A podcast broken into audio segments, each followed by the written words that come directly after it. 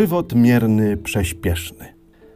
Dwie myszy były się zetkały, gdy po drodze ziarna zbierały, a jedna z nich była miejska, ale druga prawa wiejska.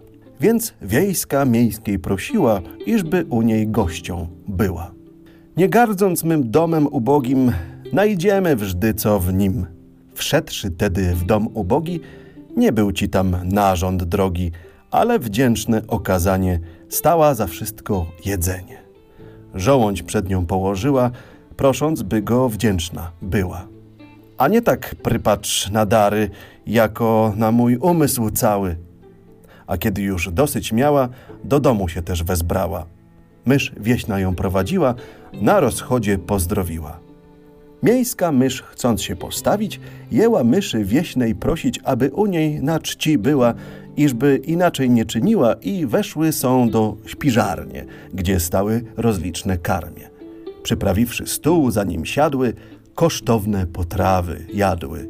A gdy tako hojnie żyła, mysz się wieśna zadziwiła, chwaląc ten byt dostateczny, jeśli by też był prześpieszny.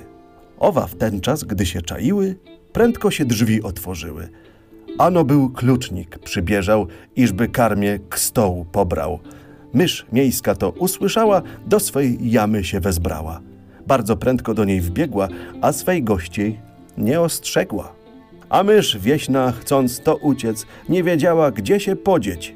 Po kąciech się umotała, aż ledwie żywa ostała. Po tym więc trwoga przestała, mysz domowa wybierzała, ochotnie swą gością czciła i tymi ją słowy cieszyła.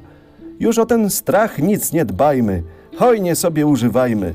Rzadkoć się tego przygadza, bo nieczęsto klucznik wchadza. Mysz wieśniaczka jej odpowie. Siostro, niepewne tu zdrowie.